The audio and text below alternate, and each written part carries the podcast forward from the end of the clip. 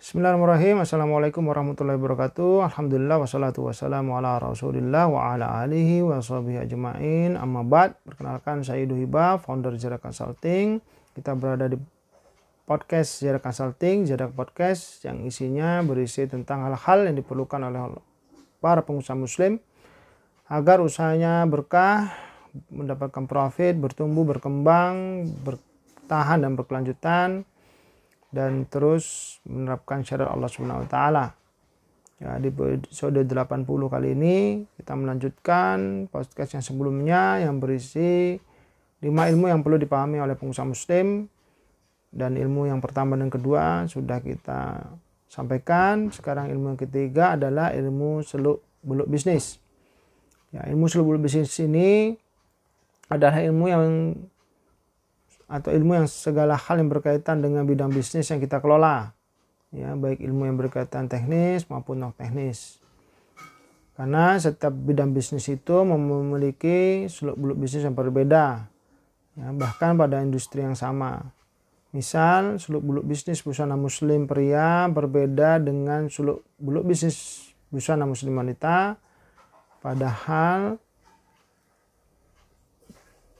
bisnis busana muslim pria dan busana muslim wanita ini berada di industri yang sama ya. Jadi e, berbeda ya cara mainnya ya bahasanya e, di setiap bisnis. Ya, meskipun industrinya sama industri travel misalkan ya berbeda dengan travel yang melayani perjalanan wisata lokal seperti kalau di Malang ini ke Bromo ya itu seluk beluk bisnisnya beda dengan wisata lokal yang misalkan ke Sumatera gitu.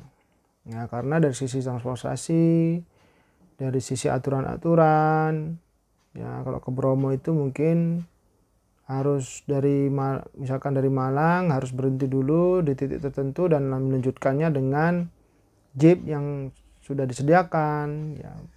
Ya itu termasuk seluk beluk bisnis ya dari seperti juga harga pasarnya berapa. Ya ini berbeda ya. Meskipun di sama travel apalagi travel misalkan travel umroh ya. Beda juga dengan uh, travel meskipun melayani perjalanan wisata internasional ya. Tadi juga di industri fashion tentunya ya seperti busana muslim ukurannya berbeda ya dengan busana muslim wanita kemudian yang diminati juga hal-hal yang diminati juga pastinya berbeda karena behaviornya. Uh, pria dan wanita ini berbeda. Ya begitu pula mengenai teknik jahitnya dan seterusnya ya. Nah ini yang dimaksud suluk buluk bisnis. Dan biasanya ya ilmu suluk buluk bisnis ini yang sangat dikuasai oleh pengusaha oleh pengusaha muslim Ya, untuk ilmu yang pertama, yang kedua, dan nanti yang keempat dan kelima biasanya tidak terlalu dikuasai. Ya, ini yang akhirnya tidak seimbang dan akibatnya perusahaannya tidak bertumbuh atau berkembang sebagaimana yang kita harapkan. Ya, karena menjadi pengusaha ini perlu kompleksitas ya. Ada berbagai macam ilmu, ada lima ilmu yang perlu kita pahami dan kuasai. Ya, paling tidak kita mengetahui banyak. Ya memang prioritasnya adalah seluruh bisnisnya kita pahami. Ya, kemudian yang lain kita mengetahui banyak meskipun tidak tahu secara mendetail kecuali ilmu syar'i dan ilmu fikih muamalah.